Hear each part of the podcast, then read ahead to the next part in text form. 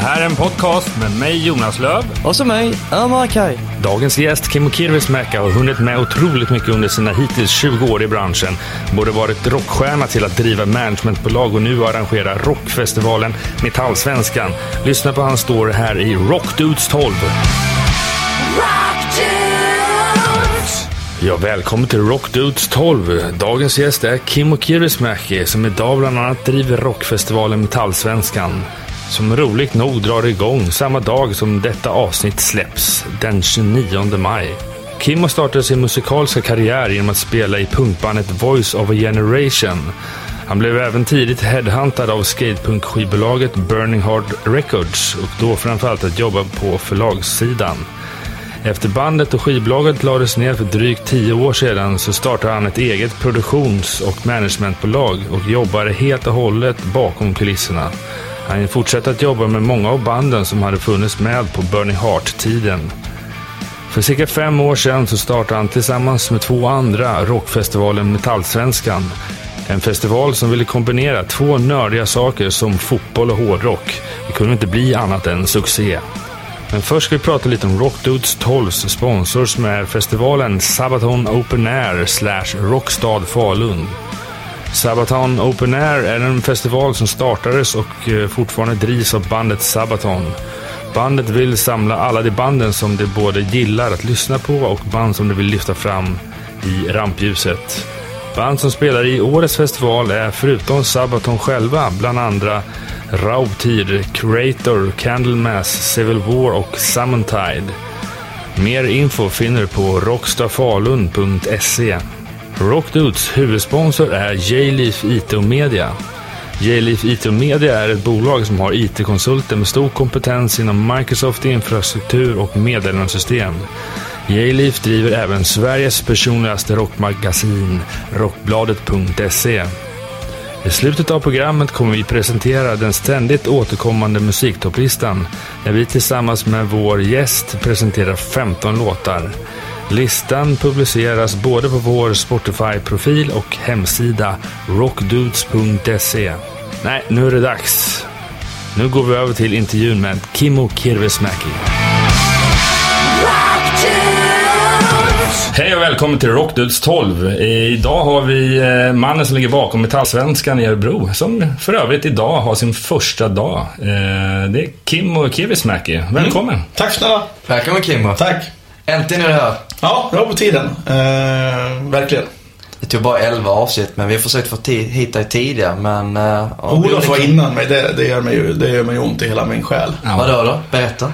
Jag borde vara steget före Olof känns det som. Lång och trogen tjänst har han med. Det- Ja. Ja, fast du ligger ändå lite före med tanke på att du har faktiskt gjort eh, någon liknande podd innan, har du inte? Nej? Eller du har lyssnat på poddar, så var det. ja, eller så är jag jävligt dålig på poddar. Kan det också vara. Ja. Ja. Olof visste ju knappt eh, vad det var för något, men eh, nu vet han. eh, Han är väldigt analog, är han inte? Jo, ja, han visste väl knappt vad mikrofonteknik kanske. Jag vet inte. Ja, nej. Ja, han bor ju på en bondgård någonstans i Ja. vischan så att... Ja, men det är ju det han kan. Ja. ja. men han är bra på, på vissa saker, Olof. Nej men så att det, idag ska bli ett eh, intressant Ja, ämne. bo- både Metallallsvenskan, sen har du ett förflutet i det här kultskivbolaget Burning Heart. Ehm, Ehm, men vi börjar väl någonstans. Hur började ditt musikaliska intresse? Ja, eh, jag, kommer, jag kommer inte direkt från någon familj som, som var helt vansinnigt peppade på musik. Utan det kom väl när man kanske var en 6, 7, 8, 9 år och liksom upptäckte hårdrocken. Eh, det var ju det coolaste som fanns när jag var, när jag var liten. Eh, så alla de här banden, Kiss, Iron Maiden, AC/DC, allt det där växte man ju upp med. Sen eh, tappade jag faktiskt musikintresset kanske mellan jag var 13-14 år fram till jag var 20 då jag, då jag liksom trodde att jag skulle bli fotbollsproffs. Men sen, sen kom verkligheten ikapp mig när jag upptäckte musiken igen. Fast den gången med punken. Så att jag har väl haft två liksom, upptäckter av musik. Först hårdrocken och allt det coola och sen liksom punken som, som liksom kanske låg mig lite närmare sen, senare i livet. Mm. När var det här i tiden ungefär? Ja, då avslöjar vi hur gammal jag är också. Eh, Det måste ju ha varit början på 80-talet som jag upptäckte hårdrocken. Eh, Hela den vevan. Eh, Och sen när jag kom tillbaks lite äldre så var det väl början på 90-talet man började lyssna på, på punken igen. Vilka band var det då som var hjältarna? Ja, men det fanns som svenska, liksom Asta Kasko, de där som man har hållit på många, många år tidigare men som jag inte upptäckte då. Eh, och sen, sen kom jag ju med hela den här skatepunkvågen med, med alla svenska band som No All och Millencolin och, och amerikanska bandet Pennywise, Rancid. Eh, Rancid var kanske skatepunk men så kom i samma veva där ändå. Så att, eh, det, det, är väl, det är väl så jag har ramlat in på det här med musik. Har du någon utbildning inom musik eller vad gjorde du under Nej, gymnasietiden? jag är fruktansvärt dålig på musik på alla sätt och vis. Både i teorin och i praktiken. Men, men ändå har jag hållit på med det väldigt, väldigt mycket. Så att, eh, nej, jag har ingen utbildning, ingen formell utbildning. Men hur eh, halkar du in i? Jag spelade trummor när jag var, när jag var liten grabb då när jag höll på med, med hårdrocken som jag släppte. Jag sålde mitt trumset då i samma veva som jag tyckte att musik var töntigt när jag var 12-13 år. Eh, men började spela gitarr istället när jag, när jag, när liksom andra vågen. Och då startade vi rätt så omgående ett band som heter Voice of Generation. Jag och några grabbar. Eh, och då började jag spela gitarr och, och liksom man kom in, jag vart väl rätt så drivande i bandet rätt så omgående. Gillade den grejen och ha hand om det som de andra tyckte var tråkigt, administrativa, ha kontakt med skivbolag, kolla koll på merchen och boka gig och hela den här biten. Så att eh, det gjorde jag i Voice Generation rätt tidigt och sen eh, upptäckte Babs mig i samma veva. Eh, Peter Ahlqvist som, som drev Burning Heart Records. Så jag vart eh, eh, värvad, eller headhuntad, vad fan man vill kalla det för, till Burning Heart i slutet på 90-talet. Men släpp, släppte ni någonsin någon skiva då med bandet? Ja, för fan. Vi låg på, på Burning Heart Records. Alltså ni gjorde det? Okej.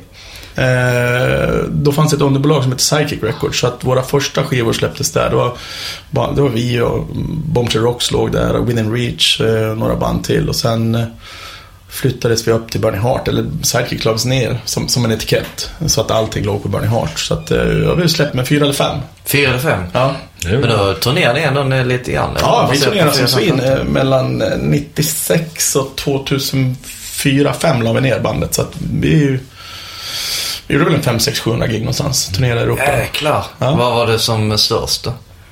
Tyskland eller? Ja, men det var väl? Tyskland, Österrike, Schweiz där de flesta banden slår, höll på att säga. Eh, vi hade väl en peak någonstans början på 2000. Vi turnerade väldigt mycket med Dropkick Murphys, The Business och vi gjorde egna headline-turnéer som gick rätt så hyfsat bra. Sen var det en liten platå och sen sista åren så, så kändes det som att folk inte tyckte vi var lika bra längre. Det kom lite mindre folk på giggen och sådär. Så att, Det var i samband med när vågen gick neråt lite. ja, men lite, ja Mm. precis. Eh, och sen spelade jag ett band som heter The Accidents också som också låg på, på Burning Heart Records. Men var inte lika aktiva så med turnerandet. Men vi släppte några skivor. Det känns som att alla gör reunion. Det kanske är dags nu då? Och på ett tag. Vi har gjort några halv-reunions med Voice, alltså inte så att vi ska starta bandet igen, men vi spelade på West Coast Riot 2013 tror jag att det var. Eh, nej, 2012. Och sen spelade vi på Millencolins 20-årsjubileum 2013, så vi har gjort två återföreningsgig. Och då, då spelade vi med eh, originalsättningen, förutom, förutom Nicke från Hive som, som var med tidigt, men som inte kunde vara med något av de där giggen. Men då gjorde vi, så det bandet hade inte stått på scen i den formationen sedan 1999, så det var väl 13-14 år. Hur kändes det då? Det var det skitroligt. konstigt, eller? Nej, det var jag, jag har aldrig varit så nervös för ett gig i hela mitt liv. Men det var så fantastiskt jävla roligt också att spela igen. Du vet, helt, helt utan några som helst idéer om att man ska göra någonting annat än liksom fortsätta spela in skivor eller turnera. Utan det var bara, liksom bara där och då som man kunde ge järnet. Så man bara ställa in gitarren i, Ja, i skåpet. precis. Jag, jag, äger, jag sålde mina gitarrer till och med. Så att jag fick låna gitarrer av Ekan i Millan för att jag skulle kunna spela på någonting. så det var den nivån. Det var liksom verkligen back to basic. Eh, ja, det var skitroligt. Adrenalinkicken var lite annorlunda den gången. Ja, faktiskt. Ja, ja, det var, det var, det var fränt var det. Får man inte blodad tand då? Tills man, man- man vill ställa upp, kanske spela i Tyskland då? Ja, sån här reunion-grej. Ja, men ja, kanske. Fast samtidigt så vet man hur jävla drygt det är att turnera och sitta i en jävla bussjävel i massa timmar och hålla på och harva. Nej men enstaka festivalspel Ja, det, det skulle jag kunna tänka mig göra. Om det är någon som liksom tycker att det är värt. Så om någon hör det här och vill boka Kimmos band på reunionfestival någonstans där utanför Sverige, hör av er. Vi Snål, det, det. är väldigt, väldigt dyrt att boka oss också. Så att det, snåla arrangörer inte av er. Jag ger bort mina procent så att det, det, det går runt. Nej men det, det var ju fascinerande. Jag hade ingen Ja. aning om att du var musiker också i, Nej. grund och botten. Alltså jag var ju väldigt, jag var ju alltid, jag var, som sagt jag tyckte om att, att vara med i band. Jag älskar att stå på scen och, liksom dansa och spela för folk. Men jag var aldrig intresserad av att bli bra på gitarr. Så att jag är nog den sämsta, alltså rent tekniskt, en av de sämsta gitarristerna som ändå fått turnera så pass mycket. Men det var aldrig mitt intresse. Liksom. Jag lärde mig så precis så mycket som jag klarade mig med att spela punk. Fast det gick ändå ganska bra för dig för du hann ändå till slut på Burning Heart och släppte ett par plattor. Och... Men Ja. sj- själva din roll på Burning Heart, vad, eh, vad var din roll där? Jag hade faktiskt två roller. Eh, jag var eventansvarig. Jag Hade hand om alla, alla de eh, grejer som vi gjorde i skivbolaget. Som du själv vet. Liksom. Det är releasefester och det är skivsigneringar och ibland hjälper de nya banden med turnéer som inte liksom har hookat upp sig med riktigt bra bokaren och hela den där biten. Och sen var min andra roll var att, att driva förlaget, Songs and Stories Music som ägdes av Burning Heart Records. Så där fanns det väl också två roller i det jobbet. Det, det lite tråkigare administrativa, se till att registrera låtarna så att de, de var korrekt registrerade och göra avräkningar till banden, hela den här biten. Sen var det en, en annan del som var jävligt roligt och det var att åka och pitcha våra band liksom för, för att få med dem på roliga grejer liksom, i hela världen. Det var tv-spel, tv-serier, filmer, eh, reklamfilmer, ja allt. Har du några exempel på pitchar som fastnade? Ja, vi, vi satt ju väldigt många med Refuse där ett tag när News Noise fick en återförening. Och de satt vi på liksom eh, multifilmer. Eh, vi har satt Millencolin No Cigar på, på Tony Hawk. var ju en jävligt fet grej när det hände. Eh, och som faktiskt fick Millencolin att steppa upp ett steg alldeles i USA vid den tiden. Så att, eh, Tony Hawk TV-spelet då? Ja, exakt. Tony Hawk 2, det var det som sålde mest. Jag tror att det sålde 55 miljoner ex om jag inte ljuger. alltså. Det var, helt, det var så groteskt stort då. Ja, det var ju väldigt hett. Ja. Just, ja, det, det headline nästan en hela tv-spelsdelen på något sätt. Ja, just den delen. Spelade du spelet inte eller hade det Nej, jag har många polare som höll på med det där. Det var Jag- många jag- band som slog just med Tony Hawk 2. Det var, för det var, det var ju bara, bara det var liksom Pennywise, var Millencolin, liksom bara sån musik eh, i den genren. Så att det var det hade så otroligt mycket större genomslagskraft än vad ett, ett av de fetaste tv-spelen idag har tror jag. För att nu är det ju så vanligt. Men då var det inte helt vanligt liksom med, med, med sån musik i spel. Så att det var, det fick en otrolig genomslagskraft. Vilket var jävligt häftigt. Hur kändes det att vara på ett sånt möte? Pitcha lite hardcore-musik från Umeå bara, ja det här är ett skateboardspel, vi har det här bandet, eh, vad tror du om det? Ja, men vi hade lite flax för att eh, i samma Hives slog liksom i början på 2000 så att vi hade tack vare att vi hade Hives i vårt förlag så blev vårt förlag jävligt hett. Vilket öppnade väldigt många dörrar. Och då, blir det ju, då är det ju väldigt mycket mer tacksamt att pitcha också. Att, ja, men du har ett Hives och du har ett Refuse liksom, som har slagit. Vi har ett Millencolin. Så att vi hade ju tacksamma artister att jobba med. Även om det var en smal genre så var det ju de största banden i den genren ändå. Så att det, det var inte så svårt som det låter. Eh, och så ansågs man vara liksom en galen svensk som kom in där. Liksom, och mitten på 20, 20, 20 år bast liksom, och kommer in och träffar 50-åriga gubbar i kostym. och självtatueringar själv tatueringar och t-shirt. Så att det var väl en kulturkrock som, som funkade väldigt bra. Jag tror att man varit uppskattad för att man kom in och inte var där de är van med. Lite otänkbart men ändå fullt möjligt. Ja, men precis. Det var exakt. Det var en jävligt cool symbios som funkar. Jag kommer ihåg eh, på de gyllene åren när eh, Bernie Earth var som bäst och hade, förutom de här banden som nu är Refused och Raised Fist, de hade ju hiphop också med Loop to Prom hade vi Mm. Ja. och, och så här väldigt eh, brett mellan genrerna. Och Ja, visst, jag satt ju själv då i mitt lilla pojkrum och såg upp till Bernie Earth och tänkte Fan vilket häftigt liv, det där vill jag vara någon Mm. gång om några år så Alltså, det- man ska inte säga att det var mina konkurrenter så här, vilket det var inte alls, men Nej. kändes ändå så här typ att, ja men jag skulle nog inte vara här idag om inte jag lyssnat på deras musik riktigt. Nej. Nej, men så kan det väl vara för många. Att, att man... eh, Att tack vare att Burning Heart höll på så, så gav det liksom tankar och kreativa tankar till andra människor. Att fan kan de kan väl vi. Och så kanske då så du tänkte när du kickade igång ditt bolag. Att vad fan, det kan jag också göra. Nej, men det måste, måste ha varit en häftig miljö. Alltså, dels ligger eh, skivbolaget och förlaget inte ens i Stockholm utan Örebro av alla ställen. Ja, visst. Alltså just då när ni höll på, det måste ha varit en väldigt intensiv scen eh, med, med studios också. För jag kommer ihåg att eh, Ja, Soundlab Stu- Studios som drevs av Matte i Millen och, och Mersjö som tyvärr gått bort idag. Det låg ju bara en trappa upp. Och, och de releaserna som gjordes på Burning Heart med de svenska banden så var det säkert 70-80% som spelades in där. Liksom. Det var, det var Millencolin, det var Voice Generation, Bob Rocks, Section 8, 9. Alla de här banden spelade in i den studion. Så det var ett jävla roligt häng också. För det var ju alltid något band man kände som var där i studion också. Man var ute och käkade lunch och man var ute och drack någon bärs på kvällarna. Så det vart väldigt tight och härlig, härlig grej av alltihopa. Och det, när det var som roligast, det kanske var 5-6 år där liksom, det, liksom, det verkligen gick bra innan, innan det började gå neråt igen. Men det var, det var skitroligt.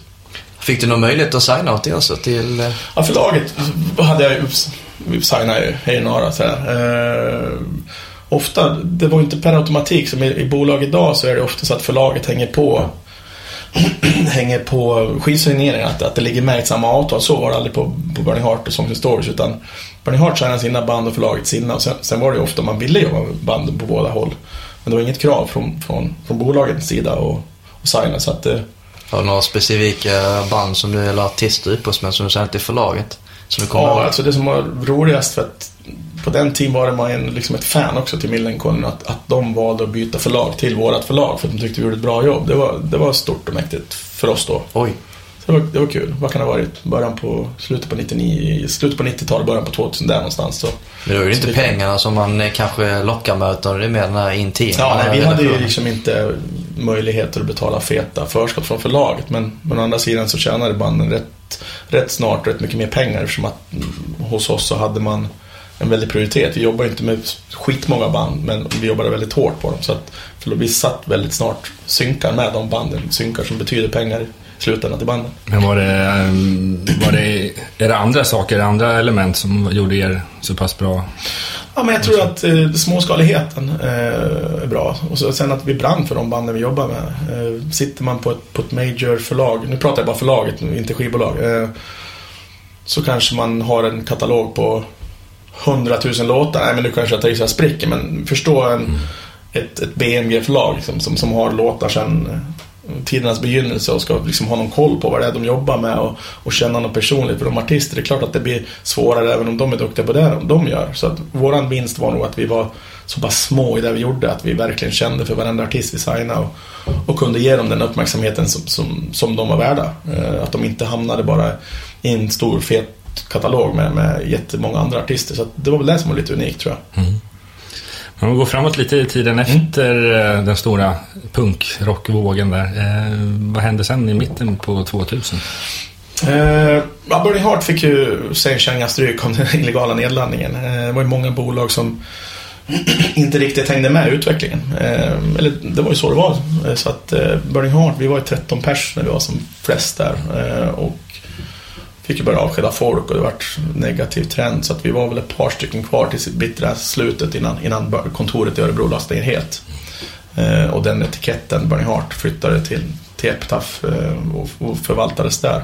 Då startade jag ett eget bolag som heter Big Mouth Productions där jag eh, gjorde management för, för några av de banden som vi, som vi hade på Burning Heart. Eh, Millencolin, Race Fist, jag jobbade med Nine. Eh, Kid Down jobbade med en sväng och, och några till sådär. Så att, eh, jag hittade min nisch lite per automatik för att de här banden saknade eh, ett management. Tidigare hade Burning Heart jobbat väldigt tight med banden och kunde vi nästan se som ett management för banden. Att Man jobbade på, på, på ett helt annat sätt än man gör kanske på ett större skivbolag. Och då, då kände de här banden ett behov av liksom att ha ett riktigt management som de kanske inte hade haft tidigare. Så det vart liksom lite per automatik och lite bananskal så, så hittade jag min nisch och kunde rätt så omgående starta min egna business. Har du någon erfarenhet av management sen tidigare eller lärde? Nej, alltså jag, i och med att jag jobbade med förlaget så många år så, så hade jag ju lärt mig väldigt mycket om, om alltså den juridiska delen av, av, av management. Vilket är väldigt, väldigt viktigt för att man ska kunna ge korrekta råd och, och se till så att banden man jobbar med har bra avtal. Eh, resten handlar ju mycket om nätverk och hela den där biten. Det har man ju skaffat under många, många år. Men jag kan inte säga att jag var en, en fullfjädrad manager, absolut inte. Det, det kom ju lite med tiden också, att man vart ju bättre och bättre på det man gjorde. Sen är det ju så här management, eh, avtal eh, och den biten. Men just de band du företräder eller jobbar då, de är ju väldigt aktiva. Alltså ute och giggade hela tiden. Så bara det mestadels av arbete handlar om kanske koordinering och se till så att det flyter på. ju, och de flesta artisterna, när jag började jobba med dem, satt ju i avtal. Så att det var inte så mycket liksom ut och shoppa nya skivkontrakt eller förlagskontrakt eller skaffa nya bokar. Utan många av de här banden var ju redan på en nivå så att de, var ju, de hade ju liksom allt det här klart. Så att det var som du säger, det var ju väldigt mycket koordination, logistik och se till så turnéerna flöt på bra och avräkningarna kom in och se till ja, hela den där biten mer praktiskt liksom. Och så, jag kommer ihåg att Millencolin ett tag, eller fortfarande är det, väldigt, väldigt stor i Australien. Det är Mm. en av de få banden som eh, fortfarande kan eh, spela för eh, Ja, ja. hus där borta. Ja, ja, absolut. De går ju väldigt, väldigt bra där. Jag tror, om jag inte missminner mig fel, att det är ABBA och Millencolin är de enda svenska banden som har sålt guld i Australien. Hur, hur kommer det sig att det, att det är så Ja, band? Hela den här skatepunk-grejen var ju en våg som, som, som liksom kom så jävla jävla hårt i början på, på 90-talet. Eh, och samma i Australien. Eh, och, men, och Millen kom rätt i tiden och var mycket i Australien i ett väldigt tidigt skede när andra band kanske inte hade börjat spela där. Eh, de amerikanska banden kanske hade skippat Australien långt bort och sådär. Så att de var där och hade en bra bokare och kom dit väldigt en bra, en bra tid när den här genren var verkligen på uppgång. Och de var liksom ett av de första banden som klev på karusellen. Och då, då har man ju lite, lite för, man ligger lite före alla andra band. Man måste jobba in de länderna helt enkelt från första början och sen handla ja. lite med timing och tur och givetvis. Absolut. Och det var ju hela modellen med Burning Heart. var ju att att skivan skulle ut i hela världen. Vilket idag med, med, med liksom det digitala låter som världens enklaste grej. Men på den tiden handlade det om att, att liksom hooka upp med distributörer som faktiskt fysiskt distribuerar skivorna. Och det gjorde Babs jävligt, jävligt bra. Det var liksom hans vision också. Att se till så att han hade bra distributörer i alla länder. Så att banden kunde ut och jobba hela världen som, som liksom eh, arbetsfält. Och, och det lönar sig ju eh, för många av banden. Att, att de liksom hade den möjligheten att skivorna fanns ute när de kom och turnerade. Så du reste runt en hel del också i samband med management-hatten då? Ja, och sen var jag ju turnéledare till Millen i många, många år. Du var det också? Ja. Okej. Okay. Så ungefär hur mycket var man på vägarna när du var som mest ja, aktiv? Ja, ja, jag var jävligt mycket för jag var inte... Knappt hemma i Nej, och sen var jag ju inte bara turnéledare till Millencolin, jag körde det till Race Fist och sen, sen den frilansade jag också som, som turnéledare för liksom att dra in deg. Så att jag, ett tag var ju helt bisarrt, då var jag ju borta hela tiden känns som. Och du snackade tidigare här om att du inte gillade turnélivet. nej, men nej. Lite ironiskt. ja, nej, men ja, så är det ju. Men eh, det är en sak när man, när man åker som, som turnéledare och man har ansvar för en hel turné och man, man jobbar med det. Då är det inte lika drygt som att åka iväg själv tycker jag. Och du sitter och jobbar när du på bussen. Ja. Mm. Ja men turnéledare, det är jobb hela tiden, konstant. Ja. Det är alltid någonting som ska fixas. Ja. Man kan inte slappna av. I vissa fall finns det ju två turnéledare som hakar på för att avlösa den andra. Ja, precis. Alltså, men då är det en helt annan nivå också. Mm. Mm. Uh, ja men uh, det verkar som du har gjort allting känns det som ändå. Mm. Men nu verkar du ändå uh, funnit det du vill uh, hålla på med. Ja, då vad... tänker jag på metal-svenskan. Ja, ja, precis. ja, men, nej, men det är skitroligt. Alltså, Ja, hur, hur började hela den festivalen? Ja, så här kan man säga. Alltså när jag startade mitt egna bolag med managementet så rätt snart så började jag gig också. Uh, först själv och sen med en kille som heter Janne Larsson som, som också hade ett bolag i, Örebro som heter Aska Production. Och vi började göra mest hårdrocksgig där ett tag ihop och sen startade vi eh, efter ett tag ett gemensamt bolag som heter Nikia. Mm. Och då kom också en, en tredje kille in, Niklas, Kim och Janne Nikia. Och vi körde, vi har kört gig sen 2005-2006. Eh, och sen något år senare så kom Janne hem till mig en kväll och sa att han hade en helt sjuk idé. Och han har helt sjuka idéer så jag tänkte, fan det kan vara hur sjukt som helst där. och så sa han, metallsvenskan. Jag bara, vad fan säger du? Mm. Fotboll och hårdrock, metallsvenskan. Ja, du fattar ju namnet. Jag bara, ja jag fattar namnet. Men vad, vad är det här liksom? Ja, hårdrocksstjärnor ska spela fotboll om några andra. Sen har vi musikfestival. Och jag bara, fan, ja, ja, ja, okej. Ja, det låter ju skoj. Ja. Eh, och det här var så jävla sjukt också vi gjorde det första gången. Man lär sig på vägen som sagt. Men första gången vi gjorde Metallsvenskan så det här var januari när Janne kom, kom till mig och, och droppade idén. Eh, så vart den liggandes någon, någon vecka, någon månad. I slutet på februari tog vi upp bollen igen och bestämde oss för att göra det. Och maj, 14 maj det här året körde vi Metallsvenskan. Mm, vilket år var det? Det måste alltså vara, det är sjunde året vi gör nu, så jag, kan det vara 2009? Ja, det är 9, 10, 11, 12, 13, 14, 15. Ja, exakt. Ja. Så 2009 gjorde vi Metallsvenskan första gången och då gjorde vi lite annorlunda än vad det är idag. Det var en endagars festival där vi hade fotbollsturneringen på Bern Arena som är liksom ÖSKs hemmaarena och sen hade vi festivaldelen, alltså musikdelen på Conventum Arena som, som är en stor inomhusvenue. Så där gjorde vi första året och då hade vi Hammerfall, Sabaton och Wolf på scen. Så det var bara tre band som spelade live första året. Nu är du och andra sidan inga små band om man tänker efter. Ja, nej. Sabaton var väl precis på gång att slå då. Ja, det är för sig. De, ja, de är de, stora de, idag. Vi hade kört dem några gånger i, i, i Örebro på klubbgig. Eh, och Janne var väldigt god vän med dem. Och de, de liksom precis när de skulle liksom stå. Så jag tror fan att de spelade gratis första året. Jaså? ja. så, så tack för det Sabaton. Eh, och det var ju, jag tror att mycket av folket, det var många folk som bara var där för sabbat den där gången. Så det var, Publikrekord första året såklart. ja, det var, det var inte svårt att slå publikrekord. jag tror att vi hade drygt 2000 betalande första året. Men det är ju inte fysiska med tanke på tre bands line-up. Nej, och sen du vet, vi hade inte en spänn till några annonser. Och, Och vi gjorde det på tre, två, tre månader. Så att man, naiv som man var så, men, men det, vi hade flax. Det, vi, vi fick till det. Men nu känns det som att metalallsvenskan är mer förknippat till fotbollen än själva bandet som spelar. Alltså, man tänker på line-up, vilka är det som ska spela med varandra? Och... Ja, precis. Ja, många, så är det väl. Eh, på gott och ont. Vi har ju hittat liksom, folk vet ju vilka vi är tack vare fotbollen. Men som, samtidigt kan det bli att folk bara förknippar oss med fotbollen. Så att det är väl lite så här Det är, det är många som är förknippade, men själv så tyckte jag, det visst första gången Ja. jag upptäckte det och det var väl, jag var väl där faktiskt med 2011. Okej, ja. Men visst, sen när man väl har varit där, sen är musiken ändå. Ja. Man är festivalhängare. Så, Så är det och, och, och i det stora hela så blir musiken eh, är ju det stora och fotbollen är våran nisch. Liksom. Det är det roliga. Men den håller ju på liksom på förmiddagen på lördagen. Men musikfestivalen kör ju hela helgen. Eh, Och det tror jag att eh, de flesta liksom börjar förstå. Eh, Men, men samtidigt så det, känns ju det skulle inte kännas bra att inte ha med fotbollen i Metallsvenskan. För det liksom är någonstans the core. Liksom det där, därifrån hela festivalen kommer ifrån. Att vi skulle ha fotboll.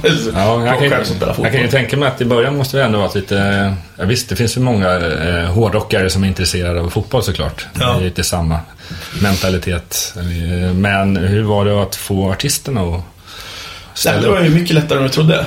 Eh, och det för, för, de som, för, för många av artisterna, det är sällan vi har artister som spelar fotboll och musik samma år. Utan ofta brukar det liksom vara, det händer ju såklart, men, men ofta är det liksom att de som står på scen står på scen och de som spelar fotboll spelar fotboll. Och du ser liksom om, om Mickey D skulle bryta benet när vi, så här, två timmar innan gigget. Varför får han då spela fotboll? Nej, men, så att eh, skaderisken finns ju där. Men, nej, men det känns som att de som kommer och är med och spela fotboll ser det lite som en jävla rolig grej. Man träffar polare i andra band i en väldigt avslappnad miljö. Man liksom spelar lite fotboll, man käkar lite mat, man dricker lite bärs och så har man roligt. Det kan vara jävligt avslappnande tror jag för att slippa spela live. Som är det, det de gör till vardags. Utan de bara kommer ha roligt och göra en, en helt annan grej. Så man käkar och dricker bira innan man spelar fotboll? Eller? Nej, biran får väl ofta komma efteråt. Jag har ju sett Sen- vissa band som lirat med alkohol i kroppen. Det ser väldigt lustigt ut när de ska försöka få tag på bollen. Ja.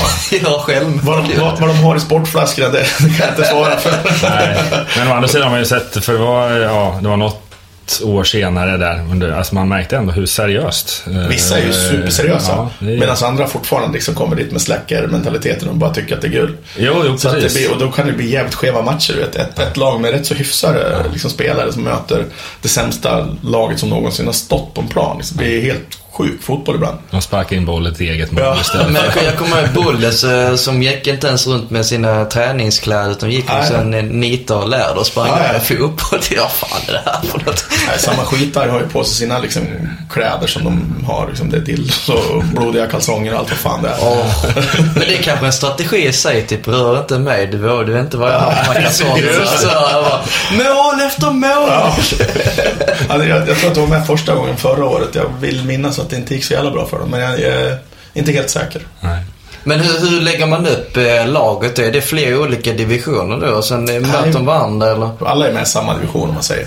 I cupform så att det blir ju först ett gruppspel och sen blir det semifinal, final. Så Så hur många lag är det som är med i själva? åtta. Åtta så det lag. fyra i två grupper. Fyra Så när, om ett lag möter eh, det andra laget och förlorar och så är man ute helt enkelt eller? eller Nej, först är det ett gruppspel där alla, alla möter alla i i gruppen. Fyra lag som möter alla och sen de två bästa i gruppen går vidare till semifinal. Okej. Och då är där blir det utslag. Och där är baserat på de två dagar som festivalen håller på eller är det bara en Nej, det dag? börjar på lördagen. Fotboll håller på ungefär mellan 11 och 3. Det går rätt fort. Det är skitkorta matcher. Fem minuters matcher. Så att, Så det är fem minuters match? Ja, Oj. fem eller sex. Och det är ju nästan för långa matcher ibland när man ser hur, hur, hur trötta spelarna Ja, är. de tar i, de springer allt vad de kan redan första rusningen och sen så ligger de där på marken. Det borde vara sex minuter om man tänker efter. Ja, men jag tror att det kan vara säkert. Jag, det är jag, jag har ju hand om musikdelen av festivalen och, och Janne eh, har liksom stenkoll på fotbollen. Jag kan inte påstå att jag har att jag kan säga till 100% hur långa matcherna är. Men de är 5-6 minuter. De är inte längre än 6 i alla fall. Det är jag nästan säker på. Och då vinner man en pokal också, eller äran? Ja, är för fan pokal. Ni har pokal och allting? Ja, ja, absolut. Vad står på pokalen? Metalallsvenskan och så året? Ja, det borde Ja, precis. Och sen får man medalj också om man vinner. Va, ja, okej. Men vad, hur ser pokalen ut? Det är som en Det är så traditionell pokal? fet. Nej, det, vi, vi tänkte köra vandringspokal först, fast nu har vi gjort så att vi köper en ny pokal varje år så att alla får behålla pokalen. Vad köper man det? Eller någon som tillverkar det? Ja, det finns ju företag som gör sånt där. Okej. Ja. Köper vi fåliga jävla pokaler. Så det ser Ja. ut som att de är bra. Det märks att det är lite mer ansträngning än själva bandet Dockers där man bara får en sten. Ja. Fast den är väl Plocka på grusgången så. Men den är väl specialdesignad den stenen. Ja, den, den är nu för de har lite mer pengar. Men förr Ja. var det bara en sten så har jag rispat in någonting till. Vad fan är det här? Väger jäkligt mycket. Den där ja. ja. Ja, det är lite, lite blandat. Det är inte bara musiker som spelar fotboll. Om jag, Nej, ibland har vi haft några gamla avdankade eh, sp- landslagsspelare också. Jörgen Pettersson varit med något år och lite sådär. Så att Pelle Blom, en Örebro-profil, har varit med något år. Så att man har möjligheten att ta in lite, lite avdankade proffs också. Nu har tagit in med musikbranschprofiler. Olof har jag sett däremot. Eh, Ja, ja precis. Ja, lite, det. Och så lite close-up och varit med med lag och lite så här. Så att det är musikbranschen slash rockers slash avdankade fotbollsstjärnor. men du har aldrig varit sugen på att själv ställa upp? Du har... Jo, för fan. Men jag hinner inte. Nej. Jag vill ju sjukt gärna vara med. Alltså jag blir, jag, när jag går förbi där blir jag helt övertänd. Jag är gammal fotbollsspelare så jag, jag vill ju bara in och kötta. Du Men har, jag, vet att, jag vet att jag inte hinner så det är det som är det värsta.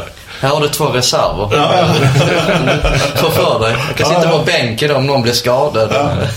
Slänga in Jonte som andrahandsmålvakt och sånt där. ja. Jag spelade fotboll hela tonårsperioden också. Gjorde du det? Ja, I Vimmerby? Ja, ja i, i det här eh, lilla, lilla orten som jag berättade Ja, om ja, innan ja, programmet här, ja. i Rumskulla. Vilken position?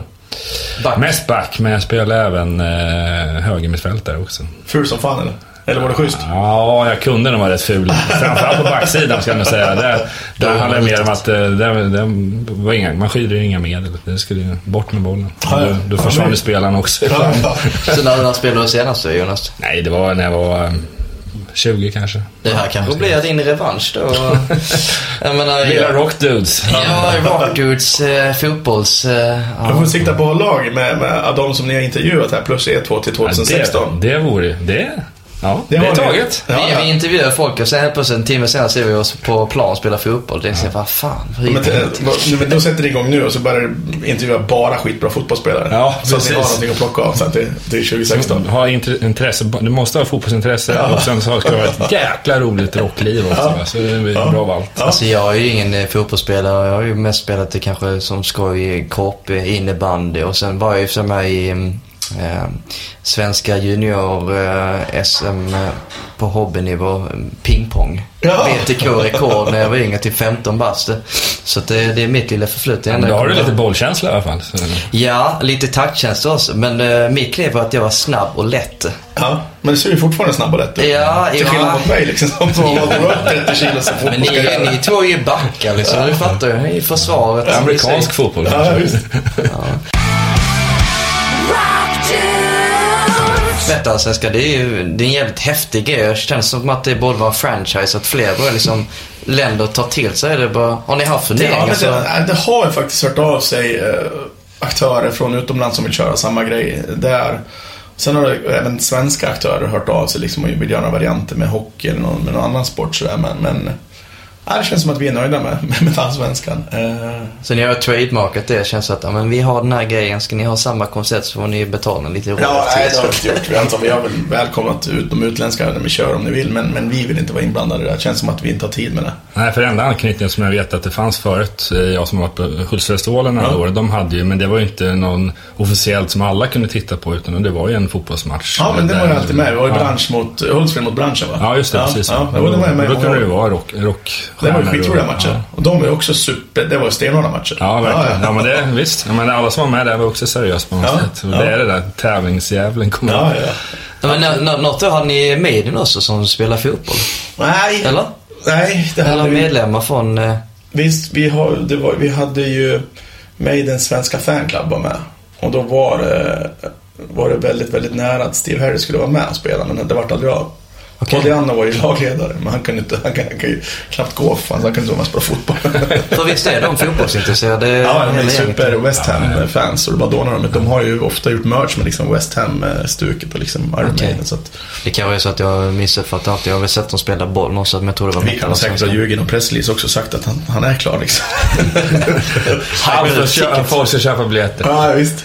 Ja, visst. men det är ju klart. Man måste Ja, gå nej, runt. ja. Nej, jag tror att det var nästan mer eller mindre klart, men sen brann ut i sanden. Så att. Hur ser line-upen eh, idag ut då, den 29?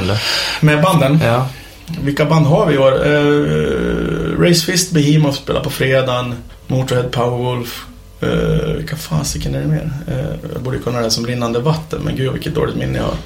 Det var att tänka efter. Ja, precis. Ja, men vi, har ju, vi har ju 20 band så att det är några välja på. Candlemass spelar. Vi har jävligt bra band i år, uh, tycker jag. Hur tänker ni när ni ska boka band? Går ni efter tycke eller availables eller hur funkar det? Men det är, vi, har, vi sätter ju alltid en bruttolista liksom varje år. Vi sätter oss de här banden vi vill ha. Och det är ju band som vi själva tycker är jävligt, jävligt bra och band som vi tror säljer biljetter. Och beroende på hur de här banden är tillgängliga så kan det vara lättare eller svårare att boka. Som 2014, förra året, där liksom var vi nere på Ja, men vet, vi hade fått 70 nej. Det var, antingen var banden i studion eller de skulle inte turnera den här perioden eller det inte funkat på annat sätt. Medan vi till 2015 fick till typ de fem första banden som vi hade skrivit på listan var tillgängliga och vi fick till också. Så det är så jävla olika det där hur, hur banden ligger i sina turnéscheman. Alltså Motörhead har vi försökt boka, ja sen året, inte året men från de, liksom de senaste fyra, fem åren vi försökt boka dem. Vi jättegärna vill ha dem. Vi tycker att det är ett perfekt band för, för det konceptet vi har och den publiken vi har känns jävligt Motörhead. Så att, att, att de är med i år känns skitbra. Finns det något band som ni eh, vill ha men som ni fortfarande inte eh, hur ni lyckas få men bearbetar år ja, efter men absolut. Vi har ju några sådana där som man alltid skickar frågan till. Eh, sen inom rimliga gränser. Vi kommer ju inte försöka hålla alla risker på rimliga nivåer. Så att skynda långsamt är lite vårat epitet. Vad är det för kapacitet då? Jag tror nog att vi skulle kunna ha en vi, böt området till förra året och det området sväljer i alla fall, beroende på hur man bygger infrastrukturen, men vi kan lätt ha 12-13 000 pers där per dag. Och nu ligger vi på 5, 6, 7 000 per dag så att vi, liksom, vi har ju en hel del att växa, växa i där. Men var det en annan arena i år eller?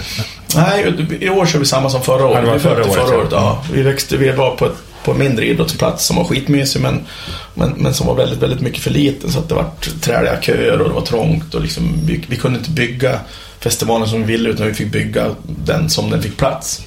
Medan vi nu när vi är uppe på ett nytt, nytt ställe, där kan vi bygga festivalen precis som vi vill den och ha alla flöden och toaletter och barer och allt sådär som man vill ha det. Mm. Och då minskar ju kön också. Och det blir väldigt mycket trevligare att vara på plats, det blir lite luftigare.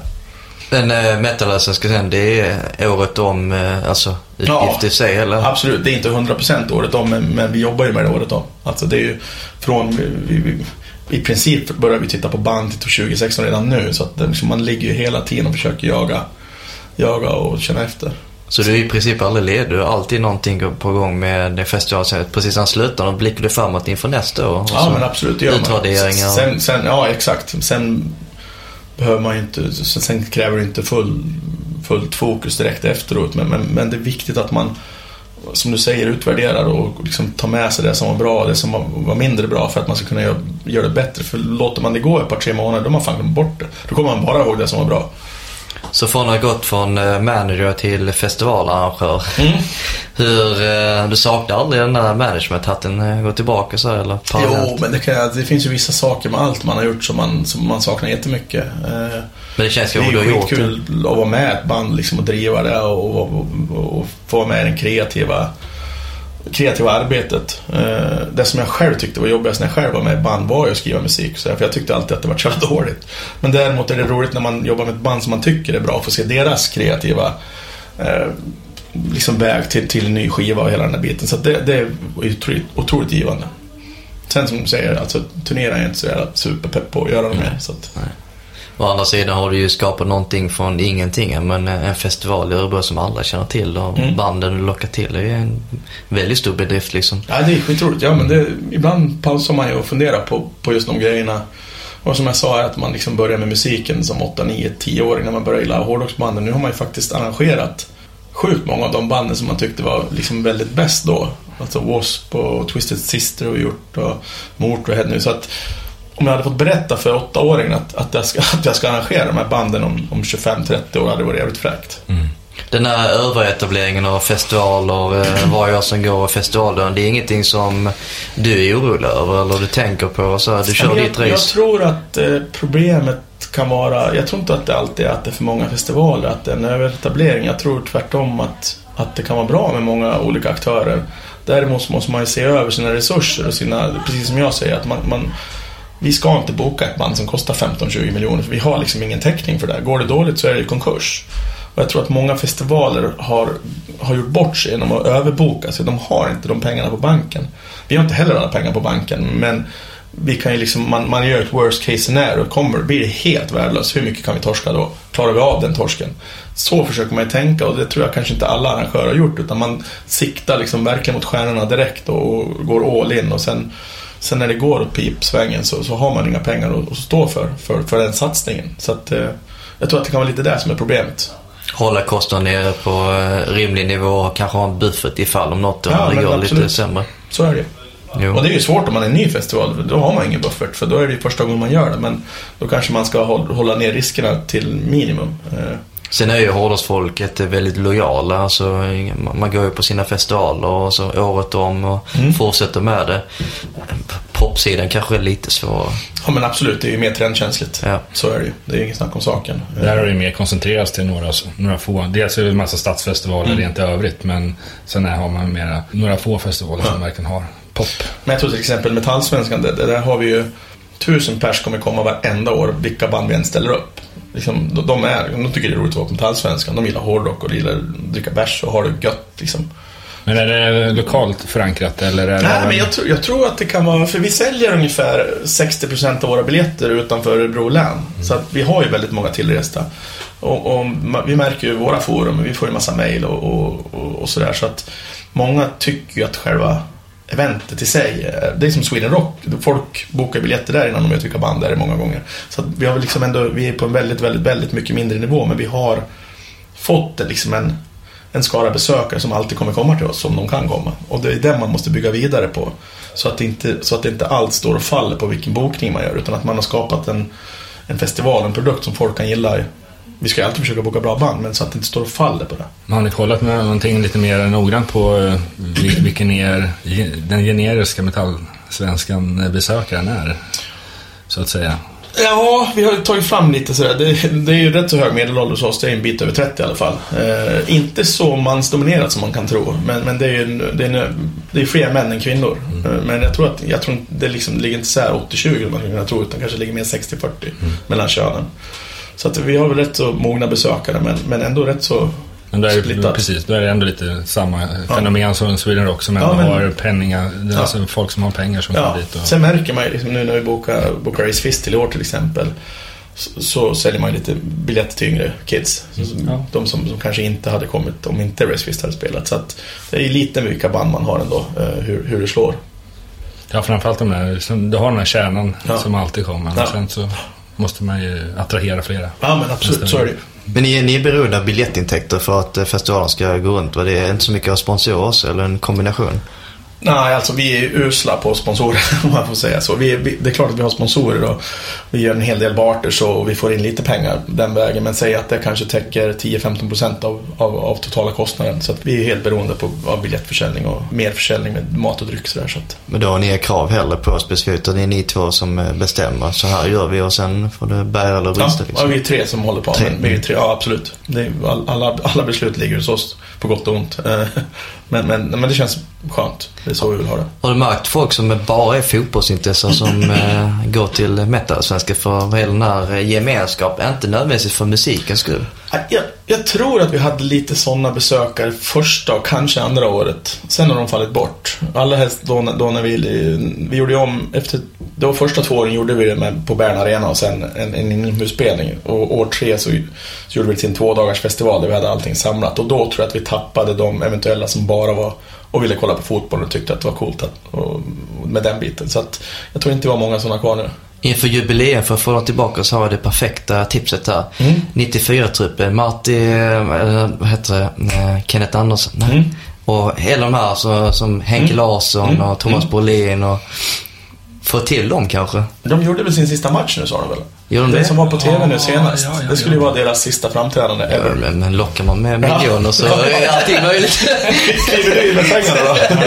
Ja, det sponsorer kanske. Så, Jonte och jag går in, vi Ja. frontar allt. Ja, ja, ja men då, då kör vi. Då är kanske rockat ut sig jättestort. Ja, ja, precis. Men har, ni haft så här en liten tanke, har drömbokning om tio år, fan Zlatan när han är passé, eller, eller passé, men det är så dags. Jag, som sagt, jag har ju koncentrerat en större delen av, av mitt eh, engagemang i Metallsvenskan Ja. är liksom musiken och medan Janne brinner mer för fotbollen. Så för mig är det ju, jag tänker ju mer artister som ska spela live. Så det är det som jag ligger och funderar på kvällarna. Liksom, fan vad kul, få till de här eller de där. Så att eh, jag har väl inte någon sån här drömfotbolls, något lag eller spelare som jag sjukt gärna skulle vilja in för jag har inte funderat så mycket på det. Kanske kommer. Det kanske kommer. Kommer med åldern. Får Janne, får Janne ta den? Ja, precis. Han gör det bra så att han kan fortsätta. Ja, precis. Eh, Kim och du och jag delar en förkärlek till något helt annat förutom musiken givetvis. Det är, vi har ett brinnande intresse för öden. Ja, ja. ja. Um, vi... Jag skrek när du... Jag har aldrig sett Kim så glad. Öl, vad är ölen? vi sitter förut och bara dricker vatten men det är relativt tidigt på dagen så att vi kan Ja, ta en precis. stänka senare. Ja, ja, absolut. Men eh, jag, jag tänkte så här, har du någon eh, påverkan på ölen på festivalen i sig? Alltså, Ja, absolut. Eh, Vi har ju alltid, eller alltid, de senaste fyra åren så har vi bryggt en egen hårdrocksale. Närke Kulturbryggeri som är ett fantastiskt bra bryggeri i Örebro. Så vi har alltid en, en, en, en liksom craft-öl hos oss. Och sen i vippen har vi liksom en, ett bra utbud.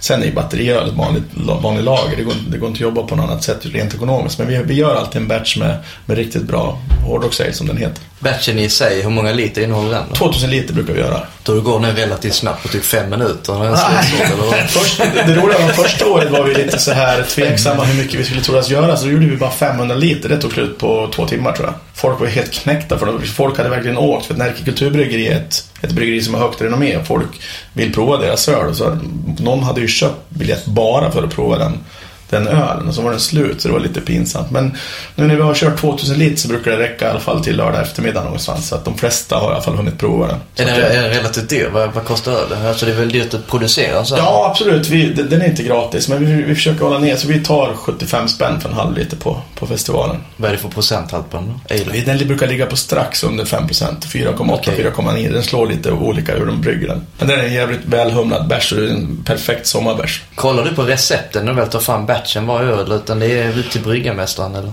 Ja, vi är bara med som smakråd kan jag säga. Jag, jag, inte, jag har inte det kunnandet att jag själv kan liksom bestämma. Jag kan ju tycka om humle, olika humlesorter och sådär. Så det har man ju lärt sig på vägen. Men, men jag är inte så pass bra så jag kan liksom gå in och säga att ni borde göra si eller så med receptet. Utan där är vi med och liksom tycker om hur det ska smaka. Och de är så pass jävla duktiga så att det blir ju som, de, som, som man önskar. För att de är liksom så otroligt bra på att brygga. Så du har ett antal flaskor då som du testar för att få fram den här, ja men den här gillar jag mer än den andra och det blir då det slutprodukten. Nej, det har, vi har faktiskt lyckats så bra så att vi har haft provningar innan. Eh, liksom vi, har, vi har tagit med oss bärs som vi tycker att den, åt det här hållet och en blandning av de här två. Sen har de smakat och sen har de flurat lite på receptet och gjort små batchar. Eh, men de har fortfarande gjort det själv. Och sen har vi gjort en stor batch och, då har vi provsmakat den, liksom godkänt den och den har alltid varit top notch. Så du med en Karo och en Sofiero och sen tar den bästa eller, eller? Ja, nej, nej vi, men vi har ju liksom, vi har ju olika, olika öar som vi tycker är väldigt bra, som, som vi tycker ska passa. Liksom, så man pratar liksom om, sitter och provar dem och sådär. Ja. Vilka är favoriterna? I hela världen eller? Nej, men som du tar fram eh, som du vill att det vore kul att ha något liknande som det här. Ja, första receptet gjordes faktiskt som en blandning av Sierra, Sierra Nevada Torpedo och uh, Oppigårds Golden Ale. Någonstans där ville vi liksom ligga. Torpedon är lite starkare. Golden Ale är liksom en väldigt, alltså en smakrik öl, men ändå liksom väldigt snäll. Så att någonstans däremellan. Så du blandar amerikanska ölen och så det svenska och får till en egen då? Ja, fast de två bärsen är ju rätt så bryggda på samma sätt. Ja. Så att, och det är, ju, det är ju amerikanskt humle i Oppigårds Golden Ale, så att de, de ligger ju lite i samma, samma, samma läge sådär. Så att. Kul. Och sen varje år som går, då tar du en annan öl, dina favoriter och Nej, nu, har, nu har det faktiskt gjort så att de senaste två åren har de utvecklat den själva. Liksom. Nu, nu, har de, nu har de fria händer. Vi vet hur de ska vara, hur stark den ska vara. Så att de gör små ändringar bara för att, för att batchen ska skilja sig från året innan. Så, där. så att nu har de fått fria händer från att vi var med i början och, och tyckte. Så, så. Etiketten i sig, det, sitter du och bestämmer lite om det är en Mm. Hårdrocksrock ja, vi gör ju nya, vi, vi, vi citerar ju alltid Tankard. De har ju massa roliga öltexter. Så att vi har ju etiketten så det är alltid ett Tankard-citat på, på. Och det är våran AD som sitter och gör det, som, som gör allt annat också. Han Som är en också- stor tanker-fan. Ja, ja, vi är allihopa. Det var jätteotippat. Jag tror det var bara en i Stockholm som lyssnade på Tanker. Det var Richie Puss på Bandit. En Ja, stor ja. Ja. fanclub och allting. Ja, Där okej. finns tydligen flera här i Örebro. jag såg ju Tankard på Sweden Rock för två år sedan, var det? va?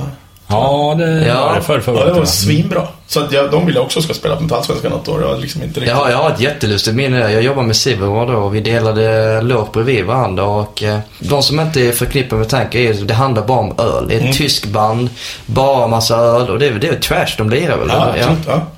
Och jättestor tyska, men här är som inte riktigt kända förutom en li, liten skara fans då. Uppenbarligen Kim och några andra till.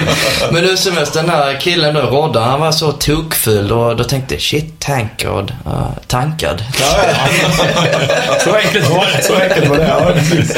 Ja men eh, intressant. Eh, jag tänkte på när jag säger då. Mm. Ni har aldrig haft funderingar på liksom ta det vidare ett steg längre än festivalen och Få in det på sortiment på Systembolaget eller så?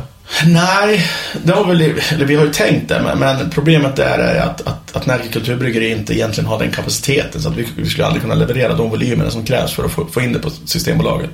Folk har ju efterfrågat det och folk vill ju efter varje Metallsvenskan kunna dricka mer sån här öl. Eh, så att det, intresset finns ju. Jag tror att det skulle kunna gå rätt så bra på bolaget också men, eh, men eh, det, det bryggeriet vi jobbar med har inte de möjligheterna till volym. Och du är väldigt Och sen tycker jag att det är jävligt roligt att den bara finns. på- Att det liksom blir en, en, Ja, en, det- en, nästan en reseanledning för vissa för att komma till Metallsvenskan. Ja, då får ni ju de där gästerna som betalar Ja. de här Ja, kronorna för att bara Det dricka bärs. 75 spänn för en, en god öl tycker jag inte så dyrt med tanke på att den bara finns under den limiterade tiden, åtta Ja, timmar och sådär. Och, Ja, nej, det, nej jag, det är med tanke på vad vi betalar för den så är det ju ett otroligt bra pris.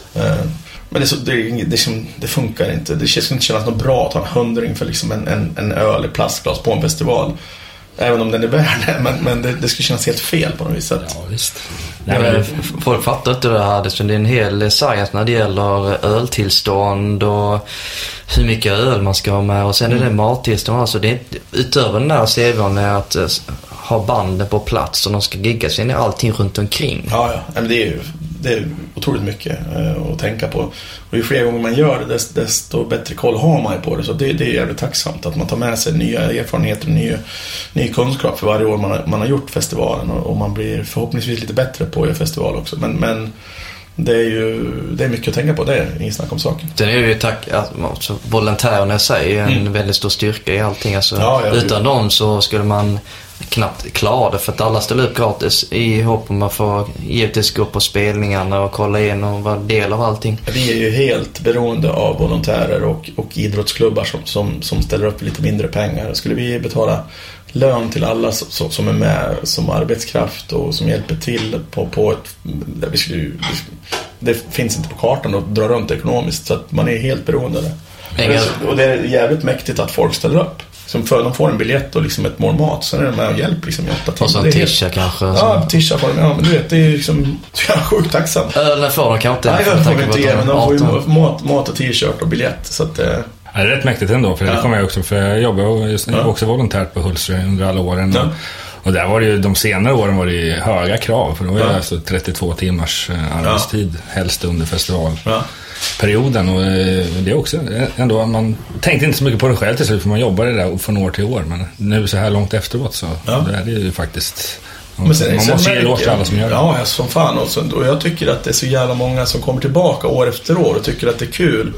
Och som sätter en otrolig stolthet och gör ett bra jobb också. Mm. Fast, fast de är volontärer liksom. Och, du vet, de, de vill vara så bra de bara kan. Och det är beundransvärt. Eh, så att, Jag tror musikbranschen är lite unik på det sättet. Ja, men det- Eh, För att eh, alla vill vara en del av Många skulle ju göra det här utan att få en gratisbiljett för att de tycker att det är så jävla roligt att bara vara med.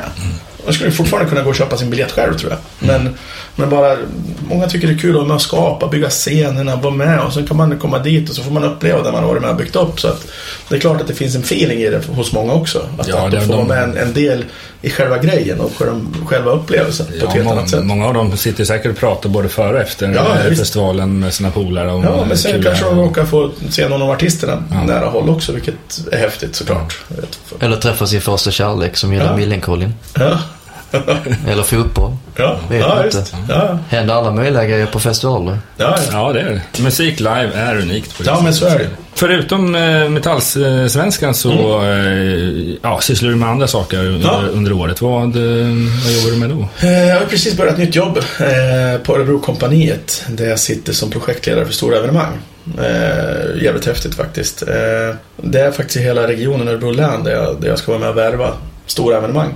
Och då pratar vi inte bara musik? Inte bara musik, det är både idrott, kultur och, nöje musik. Så att, eh, det är fränt. Det är en, en tjänst som inte har funnits tidigare utan uh, man har tyckt att, att det behövs. Och, det, det är fränt. Uh, så att jag sitter där sedan 2 februari. Så att jag är rätt fräsch fortfarande på det. Ja, för jag tänkte nästan fråga lite förut att mm. eh, du har ju ändå pysslat med nästan allting som går att pysslas med mm. inom musikbranschen. Ja, vad är dina framtida utmaningar mm, för att trigga dig så att säga? Ja, men nu är det ju, med, med det nya jobbet så, så har jag liksom på ett bananskal fått nya utmaningar som jag jättegärna tar, tar, ta till mig. Eh, det är att utveckla hela vår region med, med stora evenemang. Och det, ju, det finns en uttalad eh, förhoppning om att Örebro ska kunna bli fjärde största evenemangsstad i Sverige. Ehm, man tävlar ju om den platsen med, många andra offensiva kommuner så och regioner så att det, eh, det är en jävla utmaning. Och, det känns som att med, med det nätverket som man har skaffat under många år så har man rätt stor chans att, att lyckas hjälpa till i alla fall. Mm. Så det är fränt. Det är kul att se hur man jobbar i andra ja. kategorier och ja, kultur och sånt där också. Innebär det också typ att eh, kommunen investerar i bygga större scener eller klubbar eller så? Nej, inte, inte i det här läget utan nu handlar det mycket om att vi ska inventera de lokaler som faktiskt finns. Vi har ju hockeyhallen, vi har bandyhallen, vi har fotbollsarenan eh, som idag inte används alls faktiskt vill jag påstå till, till någonting annat än vad de är gjorda för. Alltså fotboll, hockey, bandy. Eh, så, så att det handlar om att kolla över de här lokalerna och kolla vad kan man göra i dem och, och vad, vilken potential finns. Sen kanske man inte ska tro att Örebro ska ha fem konserter om året för 25 000 personer för vi är liksom inte den staden. Kommer de här jätteproduktionerna då är det ju ofta Stockholm, Göteborg, Malmö. Kan man få en sån per år eller en varannat år så är det ju en jättevinst för oss redan där. Men då behöver man ju liksom ha koll på vad kan man göra i våra större arenor. Så om du fixar Katy Perry så åker jag direkt så Ja, jag med kommer. Men då vill jag VIP, eh, VIP-läktaren. Jag var på väg till, till Stockholm men det vart aldrig. Mm. Alltså? Mm. Det var ju alldeles nyss va? Jo, det var det. Jävligt ja. grymt spel. Ja, Där missade ja. något. Ja, jag tycker det. Jag tycker hon är skitbra faktiskt. Ja, jo. Ja. Se. Ja. Mer intresse. Inte så det, var inte bara, det var inte bara Tankard som var... Nej, Nej ja, men så det är inte... Alltså, myten om att hårdrockar bara lyssnar på hårdrock är ju ren och skär myt. Vi lyssnar på ja. annan musik ja, också. Jag, jag lyssnar på allt. Och det jag gillar med de här med den sortens artister är att de låtarna är skrivna av så jävla bra låtskrivare så att de är ju bra. Liksom. Ja. Det, det, går inte att komma ifrån. Även om man tycker att det är liksom svintöntigt så är låtarna i grund och botten svinbra låtar. Ja som, som oftast är jävligt hittiga också. Så ja. jag, jag, blir så helt begeistrad. Jag tycker det är, de som sitter och snickrar de här låtarna är, är ju för mig hjältar. De är så jävla bra på att skriva låtar, det är helt sjukt. Ja, nej, Man vet själv hur svårt det är att göra liksom en, en punkstänkare. Liksom. Ja, de bara sitter och bara matar ur sig hits. Ja, nej, man lyssnade på eh, för några veckor sedan när det här programmet mm. Eh, publiceras. Eh, så sen, Sven, det är Sveriges Radio-program om just Max Martin som ligger ändå bakom mycket ja, av hennes musik och många andra. Jag är imponerad av alla de där killarna och tjejerna som, som liksom bara som, som har till yrke att göra bra låtar. Ja, och de gör det år efter år. Ja, visst. Helt enormt. Nej men eh, Örebro, det ska bli intressant att se vad du eh, trollar hatten mm. när det gäller större produktioner. Mm. Um, jag följer det med spänning och uh, alltså förbindelserna från Stockholm till Örebro är inte långt heller. Och Nej, det är bra boendeplats. Så ja, ja. Jag tror det mycket väl kan bli någonting. Ja men det ligger, Örebro ligger ju, alltså rent geografiskt så ligger Örebro skitbra. Så att den har, potentialen har vi ju. Att, att det är lätt att, att dra, att vi har ett stort upptagningsområde mitt i Sverige. Så att den, den, det behöver man ju liksom ta hand om. Har du någonting nu du vill avslöja som är på gång eller kläcka ur 29? Nej, inga avslöjanden här idag. Men om man tittar övrigt på, för du bokar ju ändå artister, mm. vanliga spelare, vad, vad är det för arenor du håller till på då? Det finns ju en hel del arenor i Örebro. Eh, Commentum som, som är ett företag, de äger ju tre, fyra, eh, tre stycken konsertlokaler. Det är Club 700, det är Commentum Kongress och sen är det Commentum Arena som, är, som gjorde Metallsvenskan. Sen finns det några av nattklubbarna som också har hyfsat bra scener. The Millencolin hade sin releasefest nu till exempel, heter Ritz. Mm. Skitcoolt spelställe som tar 800-900 pers beroende på hur man vill ha det inne. Men, så vi är, vi är ju de befintliga lokalerna. Det är ju egentligen bara när vi gör festivaler vi bygger en egen infrastruktur. Utan annars går vi in i befintliga lokaler och gör konserter. Mm. Vad är den största enskilda spelningen du har bokat så? Som du har lyckats få till Örebro? Personligen eller, eller rent antal besökare? Ah, ta både och. Ja, eh, men första gången vi bokade Twisted Sister, men det var ju till Metallsvenskan. Men, men det var ju jävligt, jävligt fett för mig eh, att få till det. Eh, jag höll på med deras bokare, agent i säkert tre, fyra månader. Liksom det kändes flera gånger som att fan vi tappar dem när det kommer inte. Sen när de väl kom så kändes det helt enormt. Det var ju ändå 2010. Sen tyckte jag det var coolt att vi gjorde Simple Minds alldeles rätt nyligen. Eh, jag var ju lite synt, synt-lyssnare när jag var yngre också. Det var också fränt. Mm. Eh, men största, vad kan det största vara som jag sa? Ja, men vi har ju så, ja men vi måste ju vara, ja men Motorhead, eh, så, ut, inte på metallfest, metallsvenskan utan när vi gjorde de klubbgig, då var det ändå, det måste vara det största giget vi har gjort. Ja. Som ett klubbgig, det måste vara närmare 4000 på det. Ja, det är, det är riktigt stort. Ja. Absolut. Hur känner du scenen nu, nu när det händer så mycket Örebro? Mm. Kommer nya band och, så, och hela den biten? Det gör det säkert, men jag, jag är så jävla skamsett dålig på att ha koll på de nya banden. Eh, så, att, så att man har inte örat mot, mot scenen som man hade för 10-15 år sedan på samma sätt. Mest kanske för att man själv inte är en del på samma sätt när man inte spelar musik längre. För då hade man koll på varandra tack vare att man delade replokal och man sågs lite här och där. Så att jag, jag, jag har för dålig koll på den nya scenen. Funderar jag på att ta några bankar och sätta på metalsvenskan bara för att ge tillbaka lite grann? Ja, men det gör vi tankar. ofta. Det gör ni. På olika sätt. I år har vi ett samarbete med Studieförbundet, eller Studiefrämjandet menar jag. Så att fem band därifrån, osignade band, får spela hos oss. Ibland gör vi, gör vi det på andra sätt, att vi har tävlingar och så. Men allt, det finns alltid plats för, för osignade band på Metallsvenskan och det tycker jag är skitviktigt för utvecklingen. Om tio år kanske de är störst i, i ja, världen. Liksom. Mest troligen blir det så. Ja. Det kan bli ett nytt Millencollie eller ja, ja, precis. Så att, eh, ja, det är väldigt häftigt att följa allting. Mm. Se vad det tar vägen. Ja. Då var det dags för Rockdudes 12s musiktopplista. I musiktopplistan presenterar vi 15 låtar uppdelat på en tredjedel var. Vår eminenta gäst Kimmo Kirismäki inleder med sina fem låtar och därefter kommer Jonas och Ömer att presentera sina. Musiktopplistan kommer publiceras via vår Spotify-profil och hemsida rockdudes.se. Yes, nu har vi kommit till Rockdudes 12s musiktopplista och vi inleder med Kimmos fem låtar. Mm. Eh, vad börjar vi med? Ja, precis som jag sa i inledningen så är Kiss min första musikaliska kärlek. Eh, och jag tycker att vi lyssnar på en låt från första plattan som heter Strutter. Eh, fantastisk låt på alla sätt och vis.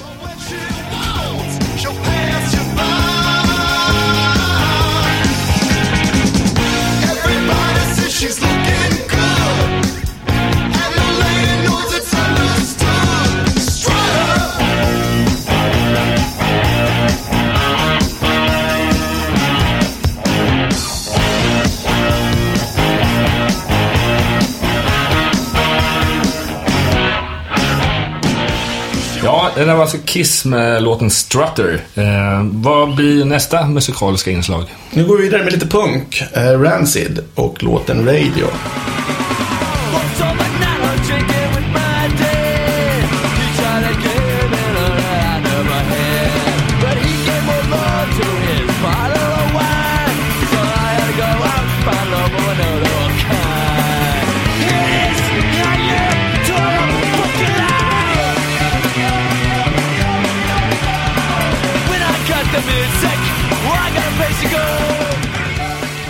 Ja, det var en riktig punklåt med Rancid med låten Radio. Eh, nästa låt, vad ska vi hitta på där då? Jag tycker vi klipper vidare med lite punk eh, och Örebrohjältarna Millencolin. Eh, låten No Cigar som var en av låtarna som jag i, i början av min förlagskarriär satt på, en, på ett jävligt coolt tv-spel. Tony Hawk. No Cigar. No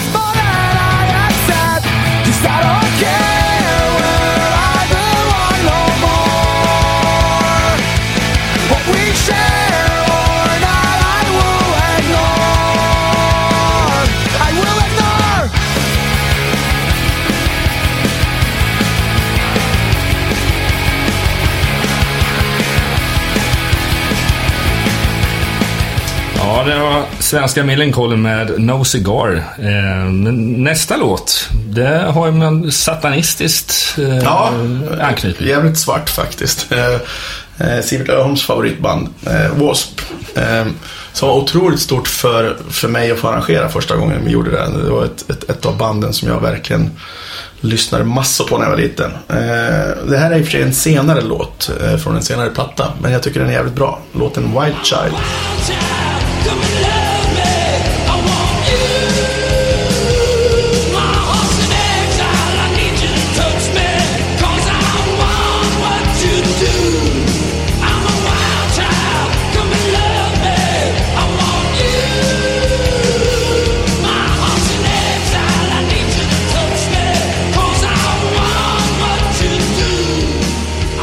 Ja, det var Sivert Öholms favoritband W.A.S.P. Eh, med låten Wild Child. Nu är det sista gruppen och sista låten och det är ett band som kommer att spela på din festival imorgon. Mm. Eh, precis, Motorhead eh, som är eh, jag pratade om stora bokningar här tidigare med W.A.S.P. och Twisted Sister men eh, att få Motorhead på Metallsvenskan 2015 känns helt jävla fantastiskt. Så att vi kör en, en klassiker med, med Lemmy och Boysen som heter OK. Okay.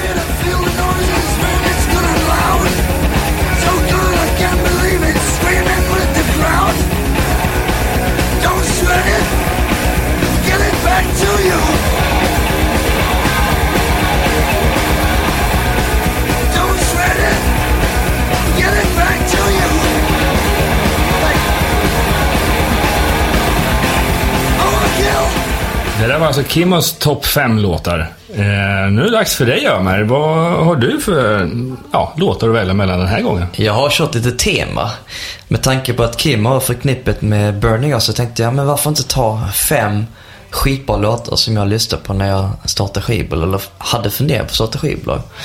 Så um, det här är ett, den första låten då Liberate med låten Kick the Bucket från plattan Worldwide Deliver. De som inte känner till eh, Liberate så är det ett, ett skaband från Malmö som satte faktiskt eh, Malmö lite på kartan med tanke på deras eh, skalmusik. Och sen kom, de var lite revolutionära inom sin genre om man säger så. Blandade lite allt möjligt. Och, men i grund och botten är det ska. Så Liberator med Kick the Bucket.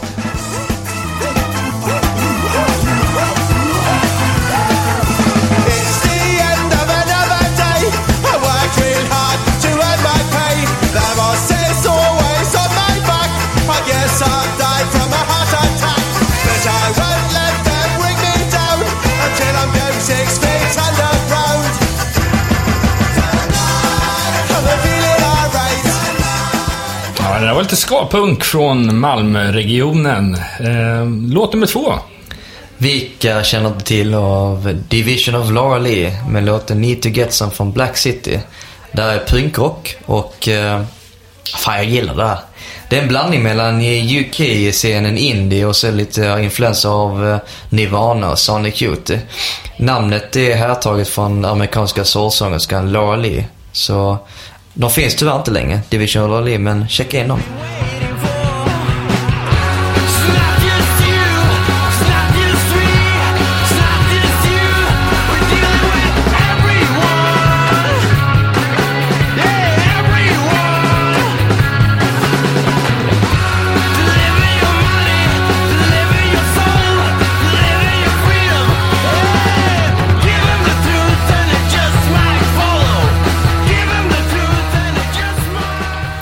Vision of Laura Lee med Need to Get Some.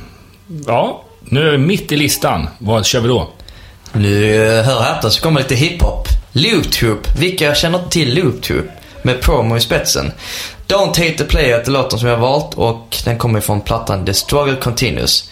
Bra hiphop som aldrig dör ut. Lyssna på det här och njut.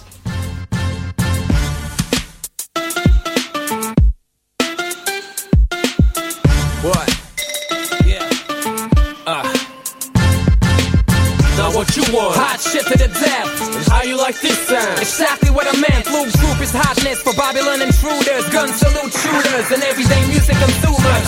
You can't bruise us, better chew that paper.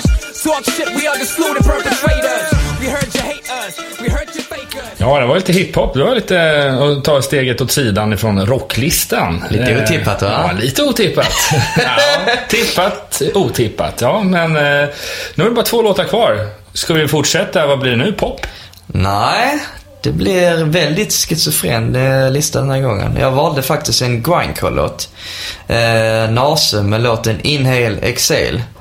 Alltså, Miesko som eh, tyvärr inte finns längre med oss, eh, startade det här bandet. Det är faktiskt ett band från Örebro av alla ställen, såklart. Och han hade ju också med den här eh, studien som eh, Kimmo pratade om, när han rattade nästan till alla banden från Burning Heart. Hur som helst, han hade sitt eh, band också som han spelade i Grindcore som turnerar världen runt och den här singeln, Inhale Exhale, var lite grann deras genombrottslåt, så den kommer här.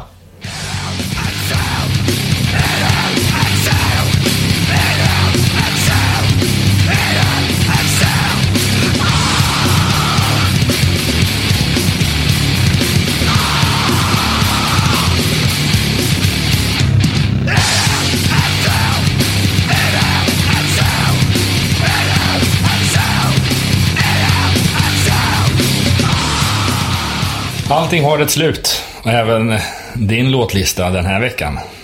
Och att den går tillbaka lite grann till Norge av någon konstig anledning. Är du från Norge? Nej, men jag var på Infernofestivalen och inte för att jag lyssnade på den här musiken som jag ska presentera nu, någonting värst när jag var där, men det var ändå lite kul att allting knyts tillbaka. Hur som helst så är det här Norges största nutides export, Turbo Negro. Då valde jag låten City of Satan med Party Animals. City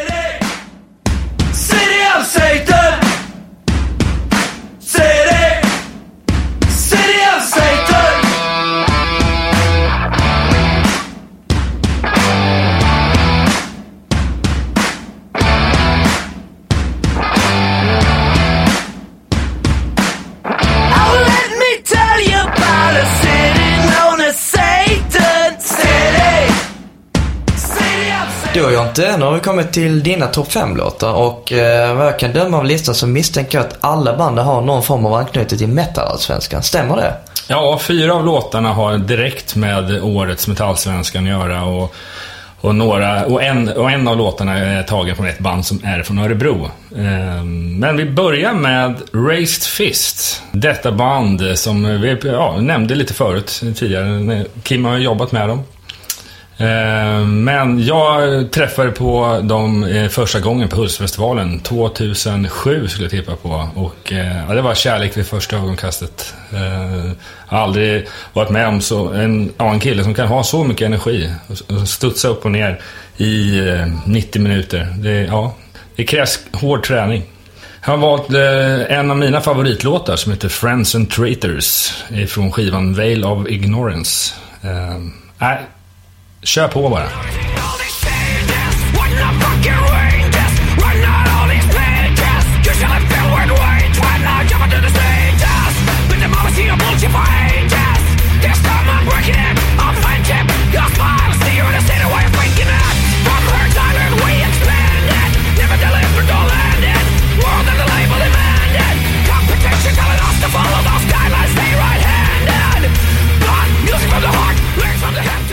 Jonas, då har vi kommit till nästa låt och eh, denna låten har faktiskt en väldigt stor anknytning till Örebro. Varför?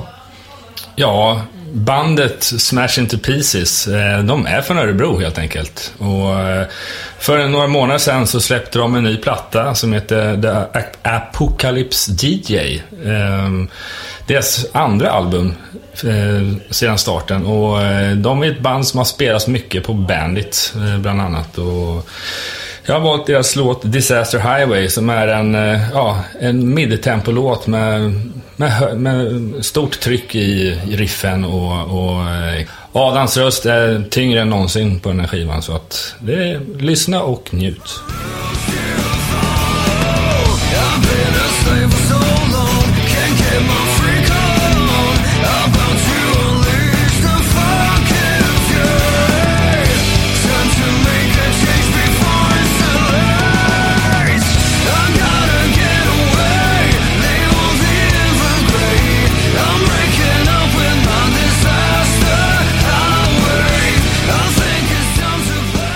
Tredje låten Jonas så har vi valt att, eh, eller inte vi, du har snarare valt att lyfta fram kvinnorna inom scenen vilket eh, behövs med tanke på att vi har för mycket män bland våra listor. Så en extra applåd för dig för att du valde den här Stockholmsgruppen. Ja, jag har valt eh, gruppen Frantic Amber som är högaktuella med ett nytt album som heter Burning Insight.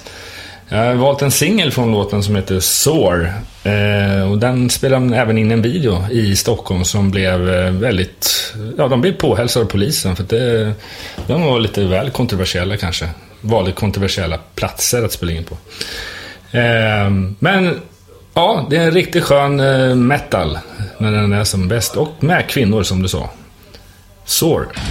take for granted all that you do have.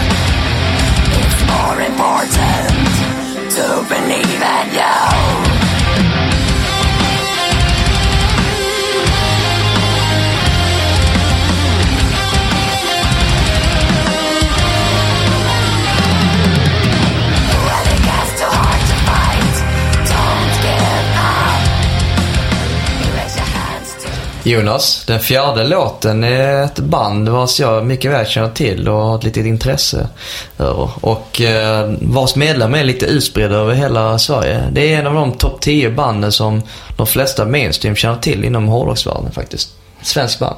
Ja, eh, grabbarna i Corroded vi pratar om och det är verkligen husgudar för mig. Eh, ja, det är, riktigt, det är verkligen hårdrock som eh, attraherar mig som mest. Sen är det kul att de är från Sverige och kul att man har lärt känna grabbarna lite. Det är ett band som vars medlemmar är 40 plus och ja, de har slagit igenom lite senare. Inga 20-åringar direkt. Men eh, de är aktuella eh, med, ett, med en ny singel eh, som heter Burn It To The Ground. Den släpptes här i början på maj. Riktigt skön, corroded eh, hårdrock med, ja, där riffen styr hela låten och Jens eh, fantastiska röst.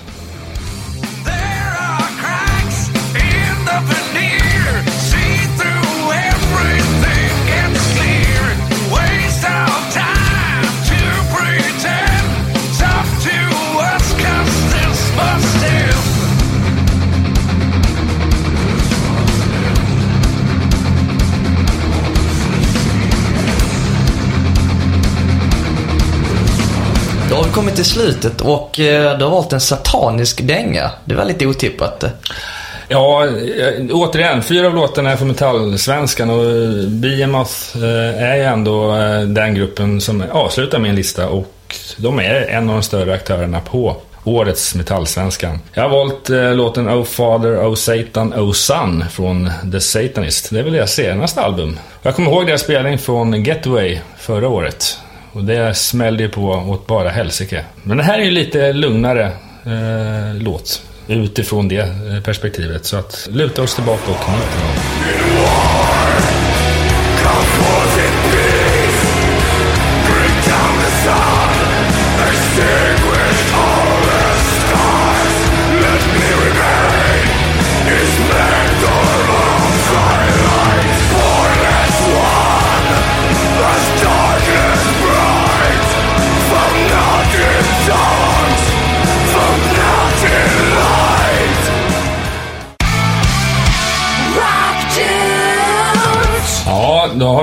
Kommit till slutet av den här podcasten med Kim och, han har ju berättat många anekdoter och han har lärt oss mycket om eh, hur hela musikbranschen funkar. Ja, jag har fått lära mig en hel del om hur Örebro, var det ligger och, och hela biten. Jag har aldrig så? varit i Örebro så att jag vet inte men jag kommer förmodligen åka till Metalsvenskan idag. Ja, det Du bör ser. ni göra båda två. Ja, det får vi göra, helt enkelt. Men vi, vi tackar jättemycket för att du kom hit. Tack snälla Tack för så att du fick mycket. komma. Tack och bock. Du har nu lyssnat på Rockdudes 12 som den här gången gästades av mångsysslaren Kimmo Kirvesmäki. Musiktopplistan du hörde i slutet av programmet hittar du under vår Spotify-profil och på hemsidan rockdudes.se. Du glömmer väl inte bort att följa oss på sociala medier, Facebook, Instagram, Youtube och Twitter. Sök på Rockdudespodden. Skriv gärna en kommentar om vad du tyckte om just det här programmet eller några av våra tidigare program. Och tipsa oss gärna om vilka gäster just du vill att vi ska intervjua i nästa program. Vi vill tacka våra sponsorer Sabaton Open Air och J-Leaf IT Media. All info om Sabaton Open Air finner du på rockstafalun.se. Vignettmusiken är inspelad av Jonas Hermansson, Peter Månsson och frontkvinnan i Crucified Barbara, Mia Coolheart. Producent för Rockdudes är Elina Löv. Programmet spelas in av Jonas Löv och redigeras av Endigo. Vi vill tacka just er för att ni lyssnar på Rockdudes 12 med mig, Jonas Löv och sidekicken Ömer Akai. Rockdudes 13 kommer publiceras den 12 juni och kommer gästas av inte mindre än Biffen Jansson. Ha det fint tills dess. Rock on!